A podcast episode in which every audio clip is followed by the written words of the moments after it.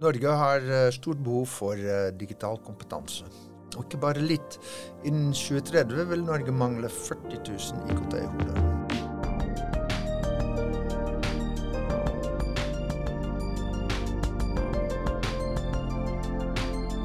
Utgangspunktet i det er en organisasjon som er kalt Digital Norway eh, opprettet, og skal jobbe med å gi oss mer digital kompetanse og sørge for at vi som Norge kan henge med i teknologiutviklingen. Eh, I dag snakker vi med Liv Dingsør, som leder Digital Norway. Og vi snakker om digitalisering, om Norges plass i verden, og om rollene til offentlig og privat sektor.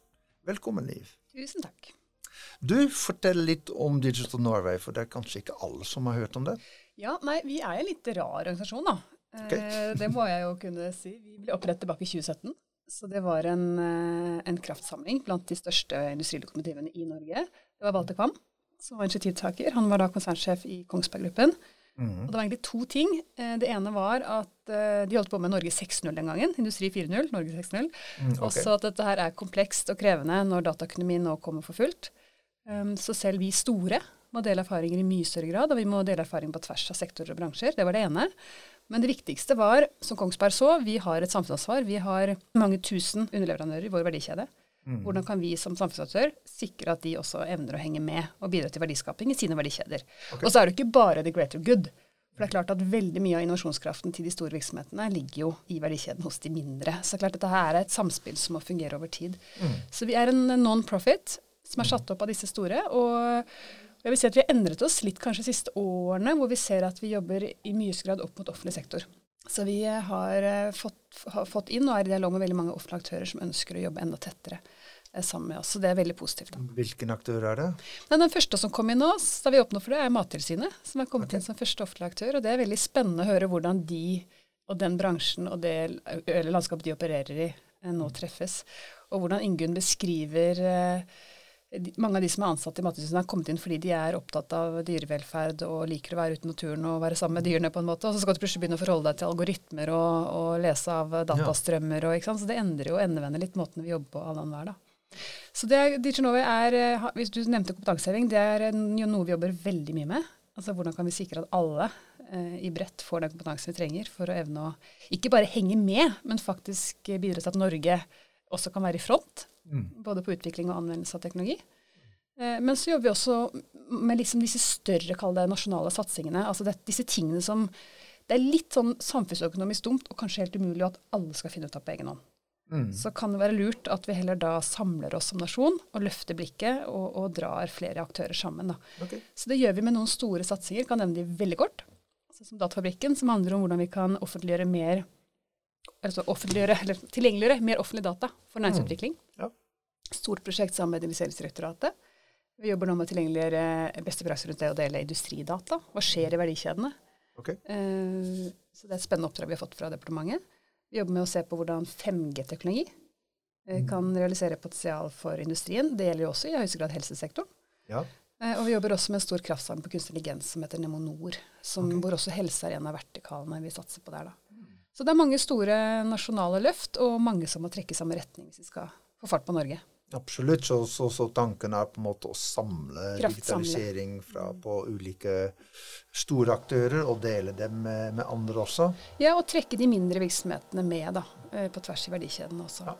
Og hvem er de eierne, hvem er de store samfunnsaktørene som er eiere hos dere? Ja, Det er ganske mange, så det blir mange å ramse opp. Men nå har vi jo i dag, akkurat i dag har vi fått inn NHO som, okay. Eh, som ny eier, og det er jo veldig spennende. Eh, mm. For de representerer jo en bredde og den målgruppen vi skal nå ut til, som er SMB Norge.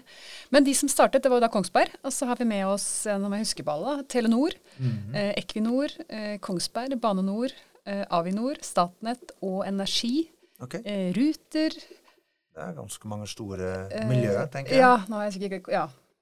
NRK har kommet okay. inn. ja. Og så har vi Mattilsynet inne som første offentlige medlem, så det er veldig spennende. Og Så har vi jo mm, KDD inne da, fra offentlig side også. Okay. Sintef er med. Ja, nå burde jeg sikkert sjekket opp listen min, da. Men det er nå i hvert fall en haug med kjempeflinke og Det er fint at de på en eller annen måte samarbeider. Så NHO, hva, hva betyr det for, for, dere? NHO er jo en, eh, si, organiserer jo eh, store deler av eh, norske bedrifter innenfor mm. ulike landsforeninger. og sånn sett så bransjevertikalene, så har jo NHO sentralt nå sammen med sine bransjeorganisasjoner da, tatt et, et, et, løft for å se på hvordan de kan bidra og løfte mm. digitalisering inn på en praktisk operativ måte da, til bedriftene. Og også være med å, å, se på hvordan vi skal forholde oss til dette på et, fra et samfunns, på et samfunnsnivå. Kunstig intelligens ja. f.eks. Krevende, en krevende tema som, eh, som, fordrer at vi får med oss alle stemmene til å diskutere hvordan dette bør både anvendes og utvikles. Da. Mm. Så både Samfunnsdimensjonen syns jeg er kjempespennende å jobbe med NHO om, men også, også det å jobbe operativt ut mot bedriftene som er deres medlemmer. Da. Mm. Så vi har jo samme målgruppe, kan du si. Eh, ja. Vi skal jo også nå ut til små og mellomstore bedrifter i hele Norge. Ok. Mm. Fordi vi mangler kloke teknologihoder, og det er jo litt uh, en av premissene som dere, dere jobber med. Og, og hva, hva, betyr det for Norge, eller utvikling av Norge, hvis vi ikke får gjort noe med det? 40 000, det hørtes veldig mange ut som en ganske stor gruppe som, som vi går glipp av. Og vi skal jo digitalisere hele samfunnet. Hva, hva betyr det hvis vi ikke får gjort noe med det? Nei, det er, det er, jo skremmende akkurat dette, og at vi eh, alle nå kjemper om de samme hodene er jo ikke heldig for en liten nasjon som Norge heller. Eh, så det er jo for mange ting. Vi er jo ikke en politisk organisasjon Disjonova i seg selv, vi, eh, men vi observerer jo at det er litt lite fokus på dette i utdanningen f.eks. Vi har jo bl.a. jobbet masse med å få opp bevisstheten rundt at denne, dette med forståelsen av data f.eks. bør inngå i alle utdanninger eh, som et helt konkret eksempel. Mm. For Hvis vi mangler IKT-hoder, så det, handler det ofte om at man også mangler IKT-studieplasser. Eh, mens vi mener at man må jobbe, jobbe, med det også litt sånn i bredt. Så sammen med Universitetet i Bergen for eksempel, så har vi utviklet noe som heter Datareisen. Som nå også er tatt ut som et fritt, gratis tilgjengelig eh, kunnskapsløp for alle. Så der oppfordrer jeg alle i helsesektoren som lytter til nå, å ta Datareisen. Okay. Det er et gratis tilgjengelig, eh, fantastisk produkt. Og det vi har gjort med Universitetet i Bergen, da, er at eh, moduler fra Datareisen inngår da i alle utdanninger på Universitetet i Bergen, uavhengig av om du skal bli helsefagarbeider eller om du skal bli økonom. Da. Okay. Så det å tenke på at vi alle må faktisk bli, om ikke IKT-hoder, så i hvert fall øke vår forståelse knyttet til det å ta i bruk datateknologi. Det er ikke forbeholdt måte, de spisse, de spisse um, delene av organisasjonen lenger. Det er noe vi alle må ta inn over oss. For da sier du også det, det handler ikke bare om de 40 000, det handler også om det handler om at vi alle forståelse av ja. hva IKT er, hva, ja. hvordan digitalisert samfunn vil se ut, og ja. hva våre roller er i det, og hvordan vi skal bruke data. Mm. Og da går det ned på individnivå. Og det er klart vi skal ha ulike roller. Noen skal Kanskje være ekstra god på å se muligheter. Altså du har en eller annen domenekompetanse, eh, typisk innenfor helse. da. Du har med deg noe som gjør at du vil være i stand til å se mulighetene, hvis du har en minimumskompetanse rundt hva teknologi og data kan gjøre for ditt domene. Eh, eller du kanskje skal være den som skal uh, tilrettelegge for at eh, ulike aktører faktisk evner å jobbe sammen. Ikke sant? Eller du skal være den som faktisk skal kode. Så vi har jo alle ulike roller. Mm. Men jeg tror ikke vi kan tenke sånn at dette datagreiene og digitaliseringsgreiene, det er det noen andre som tar seg av. Eh, det kan vi ikke lenger. Det er den klassiske modellen hvor man har på en måte gutterommet bak nede i en kjeller. Ja, du har IT-gjengen som håndterer ja. det der, da. Mm. Men det er et kjempestort lederansvar. Eh, men det hviler også på deg og meg. Ja. Og, rett og slett ta deg selv et ansvar for hvordan vi kan bidra. Mm. Og vi ser også at det absolutt at det er noen områder, samfunnsområder som ligger et godt stykke lenger foran uh, digitaliseringen. Mm. og tatt steget helt ut. Vi ser på bank og finans, og ja. kanskje reiseliv, kanskje telekom. Mm. Um, Industrien og for så prosessindustri og grønn skipsfart. Og vi, ja. Det er mange som lener seg frem. Mm. Mm. Så, og så er det noen som kanskje ikke har kommet så langt som um, helse på noen områder, og noen andre samfunnsområder, kommuner. Og, um, og, hvordan ser dere den læringsprosessen? Nei, ikke sant? Dette er jo stort og komplekst. og du, Nå var det egentlig to ting igjen. For Det ene handler kanskje litt om denne økosystemtankegangen. Altså den bevisstheten rundt det å jobbe på nye måter sammen med andre. Det er kanskje noe av det vi bruker aller mest tid på i Disnoway, å jobbe for. At man skal tenke litt mer sånn at ah, selv om jeg har ansvar for det, så er det ikke sikkert at jeg skal gjøre det selv. Ok. Eh, det, for, nei, litt den der not invented here-syndromet. At det, det, blir veldig mye inhouse, og vi skal på en måte løse alt med egne ressurser og innenfor våre egne vegger, og istedenfor å tenke hm, er det noen som har gjort noe lignende? Kan jeg lære noe av noen andre? Kan jeg bygge videre på? Må jeg starte på scratch, egentlig? Bør jeg starte på scratch? så litt den, den. Og det er klart at det er jo krevende å få til, uh, få til den koordineringen, da, spesielt også på tvers av stat og kommune og en, Vi har jo veldig mange offentlige aktører også. Så det er liksom den ene. Og så er det komplisert i tillegg ved at det er så mange andre litt sånn krevende utfordringer som oppstår når vi begynner å ta i bruk data. da.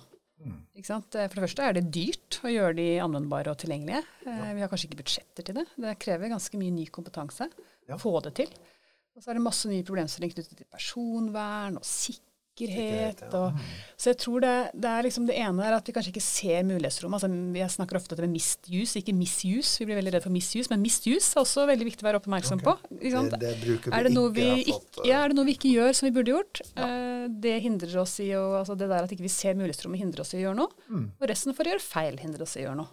Ja. Så her må vi jobbe litt sammen, altså både for å lære av hverandre litt mer effektivt, åpne blikket bitte litt, Uh, se at det kanskje er helt andre sektorer og bransjer enn det du er vant til å forholde til, som sitter på noe som kan være lurt. Og så er det det med at vi sammen må finne gode løsninger på alle disse felles problemstillingene knyttet til personvern og GDPR ja. og sikkerhet og etikk og ja, det er, det er jo interessante områder. Er, du sa jo litt om det er en greater good, men det er også noe av vårt me, å ja. få den gode balansen mellom de to. Ja. Fordi jeg tenker at uh, digitaliseringsprosess er jo uh, en, en, vei fremover hvor også veldig mange aktører prøver å holde på, på sine egne uh, ja, rettigheter og mm. kompetanse og mm. innovasjoner. Ja. Hvordan går det med deling av det innenfor de rammene dere skaper? Nei, altså jeg tenker jo sånn, Hvis vi løfter blikket helt, da, så tenker jeg at det er et, noen sentrale trender da, for dette med øktilisering og gjennomføringskraft. Vi snakket litt om det. det, det er, så er det et fellestrekk hvordan næringslivet bidrar med nye løsninger. Eh, sånn i bredt. Eh, og der tror jeg kanskje helsesektoren har litt å lære. Eh, så på noen tall som, i en eller annen sammenheng som jeg syns var litt skremmende. Den, altså at man gjennomfører veldig mye aktivitet i egen regi, disse offentlige aktørene. da. Og da er det veldig vanskelig for næringslivet og andre aktører å komme inn i, i kontrakter og anskaffelser hvor man er veldig lavt. Og det bekymrer meg litt. For det er også en sånn holdning og kulturell endring som ofte har mye lengre tid å gjøre noe med. Og da Tallene var da med disse 13,5 milliardene som man brukte på e-helse og offentlig helsesektor i 2019, hvor 70 mm. ble brukt til aktivitet i egen regi. Okay. Og 12, 12 blir brukt på strategiske allianser, disse relasjonskontrakter man har med næringslivet. Okay. Det er klart at det er forsvinnende lavt tall. Mm. Uh, og da er vi liksom litt i de problemene vi diskuterte. Er det, er det sånn vi bør ja. jobbe fremover, eller bør vi gjøre det lettere uh, for uh, de som sitter på, på løsninger, å komme inn? komme inn. Hva, hva, hva, slags forhold har dere til, til, helse og helsesektoren? Er dere noen aktiv rolle der? Ja, vi er aktive og aktive. Altså, jeg vil si Vårt si, hovedoppdrag er jo å hele tiden jobbe for å se ting på tvers. Mm. Uh, så har vi gjort noen dypdykk. vi har gjort det på energifeltet f.eks. med et stort prosjekt som heter Riggen. og vi har jo jobbet også en del innenfor olje og gass tidligere. Så ser vi at veldig mange av våre eiere, sånn som Sintef, DNV, Telenor, mm. ja, flere andre jobber jo aktivt innenfor helsefeltet. Så det er åpenbart et område vi, vi jobber med mm. og mot. Men da handler det ofte om å se på hva er det vi kan gjøre for å tilrettelegge for at næringslivet i større grad kan få innvirkning eller påvirkning eller deltakelse i den sektoren. Det vil være vår, vår inngang, da. Ja. Også ved helse er jo litt sånn silobasert, men vil ja. jo også ha mye kontakter med f.eks. Nav, med kommuner, med ja. ikke minst uh, selskaper som Telenor og Ruter og ja. Og Vi jobber jo nå masse med både KS og, og er også i aktiv dialog med Nav for å se på liksom hvor er det vi kan trekke ut synergier, og hvor er det vi bør samle tråden, ja. og hvordan bør vi løfte blikket sammen. Så, men det som er litt krevende for uh, næringslivet, er jo det er jo sånn i alle bransjer, for så vidt, men det er jo mye, ofte mye uformelle strukturer. Som du mm. sier. Det er litt fragmentert eller litt silobasert eller litt sånn vanskelig å forstå. Mm fra utsiden hvem som egentlig sitter på besluttende makt og myndighet, og hvem er det egentlig ja. som eier dataene sånn i det store. ikke sant? Og vi har jo masse direktorater og ja, departementer og Ja, en del av dem. Ja, ja det, er mange av de. Så, så, det er nok mange som altså, disse bedriftene som prøver seg på å bruke tjenester som er retta mot helsesektoren, da. De syns ofte det er vanskelig å forstå hvem som egentlig tar beslutningen. Ja. Det er det gjort en del analyse på, og det kan jeg forstå. Uh, og det er med uklare roller ansvar. Det er noe med um, prosjektpilot, kjøp og bruk. Det er ikke alltid helt åpenbart at det er samme person som sitter med beskyttelsesmakt og myndighet innenfor de fire. Mm. Uh, vi snakker mye om pilotsyken. Ja. Og jeg er veldig opptatt av kanskje vi skulle sett på noe mer insentiver knyttet til at man faktisk må iverksette. Mm. At deler av finansieringen kan være knyttet til å iverksette etter pilotering, og ikke bare til pilotering. Ja. For det, er vi gode på. Ja. Det er viktig. Det er for øvrig flere land. Jeg hører det fra, fra internasjonalt også. Det er ikke bare Norge som, som sliter med det innenfor helse. Uh, men, men, sånn generelt, for vi har jo en, en ganske stor offentlig sektor i, i Norge. Uh, og vi har også en stor privat sektor. Vi har ønsket at de to skal uh, ha et bra samspill. Mm. fungerer det generelt i Norge, eller? Oi, det var et stort spørsmål. Ja. Jeg mener jo alltid at det kan fungere bedre. Uh, og det er en grunn til at vi i Dijonova, som utgangspunktet er av og for næringslivet, uh, de siste årene har brukt, og bruker, veldig mye krefter og energi på å forsøke å jobbe tettere med uh, de offentlige aktørene. Og det er jo fordi vi ser og erfarer at de, mange av de offentlige aktørene forvalter veldig mye kunnskap, innsikt, kapital, mm. prosjekter som er helt avgjørende for norske virksomheters konkurransekraft. Men så er det mange av de som har en ganske lav bevissthet, mener jeg, rundt det ansvaret de faktisk har uh, for å ha en aktiv dialog med et næringsliv og forstå uh, både behov og muligheter. Og ikke minst tilgjengeliggjøre uh, og gjøre det kjent hva de som offentlige aktører faktisk sitter på av muligheter for næringslivet. Så jeg mener vi har en kjempejobb å gjøre både med å øke bevisstheten i offentlig sektor for det ansvaret de faktisk har for også å bidra til næringsutvikling, men også for at næringslivet lettere skal klare å koble seg på da, og finne ja. ut av hvordan det mest effektivt kan gjøres. Og det gjelder jo ikke bare helsesektoren, det gjelder jo veldig mange ulike sektorer. vil jeg si. Ikke sant, For vi har jo en, en ganske kraftig teknologirevolusjon som endrer seg hele tiden. Det er mm. ikke noe sånn at nå skal vi digitalisere så er vi ferdig med det. Dette er jo ganske kontinuerlig prosess. Ja. Så må man ha gode samarbeidsrammer for de ulike aktørene, og, mm. og rolleforståelse også. Rolleforståelse, definitivt. Ja. Og sitter du med inntrykk at den rolleforståelsen er, er godt nok utviklet i, i Nei, Norge? det gjør jeg ikke. Og jeg tror kanskje i industrien er det kommet, uh, opplever jeg det ganske altså, ja, at det er ganske kommet langt, for vi har jobbet med det lenge. I helsesektoren opplever jeg at det er stor, ganske stor forvirring, ja. uh, rett og slett. Um, rundt? Nei, både rett og slett dette her med hvem er det som er ansvarlig for hva. Uh, ja. Hvem er det som finansierer hva? Uh, mm. Hvem er det som tar ansvaret på vegne av fellesskapet, sånn egentlig, eller hvor langt strekker det ansvaret seg? Ja. Uh, hvem er det som kan beslutte eh, i hvilken grad aktører, nei, private aktører kan koble seg på? Det blir jo fort politisk òg. Ja. Ikke bare, handler ikke bare om business ja, eller, det, eller, gode løsninger for brukeren, det handler plutselig om, om politikk. Det er jo ofte til slutt er det jo helseministeren som har den øverste ansvaret, men likevel hun kan ja. jo ikke styre innovasjonen eller teknologiutviklingen. Nei. Den må jo ligge et annet sted. Ja. Så det er noe med å, å Ja, når vi snakker om innovasjon, da, mm. så er vi faktisk nødt til å åpne opp litt og tenke litt nytt også. Ja. I hvilken så, retning? Uh, nei, for eksempel, hvis vi bare er sånn ekstremt konkret, da. Hva er, altså, hva er de private aktørens kommersielle rettigheter ved bruk av helsedata, f.eks.? Mm. Hvis du ja. utvikler en kjempefin tjeneste som øker effektiviteten på sykehusene med tigangeren, mm. og du baserer uh, det på bruk av, av offentlige helsedata, ja. hvilke rettigheter har du? Hva er prismekanismene? I hvilken ja, grad kan du ta deg betalt? Kan du stole på den strømmen vil du fortsette å fuele ditt, mm. ditt verktøy og ditt produkt, f.eks.? Hvem sitt ansvar er det? Så det er utrolig mange sånne Eh, problemstillinger som oppstår i forhold til ansvar, rettigheter, kommersielle modeller eh, osv. Og Det er klart det er jo sånn hemsko kan være, litt den der forestillingen vi har i Norge. Nå skal ikke jeg bli politisk på det, men dette er på at man liksom ikke skal tjene penger på helse. Mm. Eh, ikke sant? Det går jo an å redde verden og tjene penger på det likevel. Så vi er på en måte nødt til å, å, å tilrettelegge for at man faktisk kan utvikle selskapet sitt, mm. eh, også innenfor helsesektoren. Da. Ikke sant. Og det er jo eh, det er jo veldig betente spørsmål, men mm. man uh, har ofte uh, sett dem så, så, så sterkt perspektiv. Blir ikke polarisert at, at ikke Nei. Så jeg tror vi må våge å være enda litt mer sånn praktiske. Ja. Uh, gå litt mer praktisk inn i det og legge bort mm. disse veldig svart-hvitt-perspektivene. Ikke sant? For NHO er jo en av de aktørene som snakker varmt om at vi skal utvikle en helsenæring i Norge, at vi skal bli store på det, at det skal kanskje delvis erstatte oljenæringen. Mm. Og så ser vi at det går ganske trøtt, trøtt fremover å finne Det er ikke så lett å finne de gode eksemplene hvor man virkelig kan skalere opp. Um, det ser vi kanskje i noen andre sektorer hvor man har lykkes med det bedre. Mm. Men jeg tror i mange sektorer fremdeles så er vi innmari gode på piloter i Norge. Mm. Eh, så dette her om vi, det å vurdere å stille krav til um, innkjøp f.eks. av vellykkede piloter ved sånne innovative anskaffelser, eh, noe så konkret som det. Og faktisk forplikte seg i, i større grad. Da. Det ser vi, vi jobber mye med etter- og videreutdanning òg, og det er enorme mengder eh, penger som brukes på utvikling av piloter. Mm. Men med en gang du skal over i drift, så på en måte forvitrer hele grunnlaget, og det er helt andre premisser som gjelder. Mm.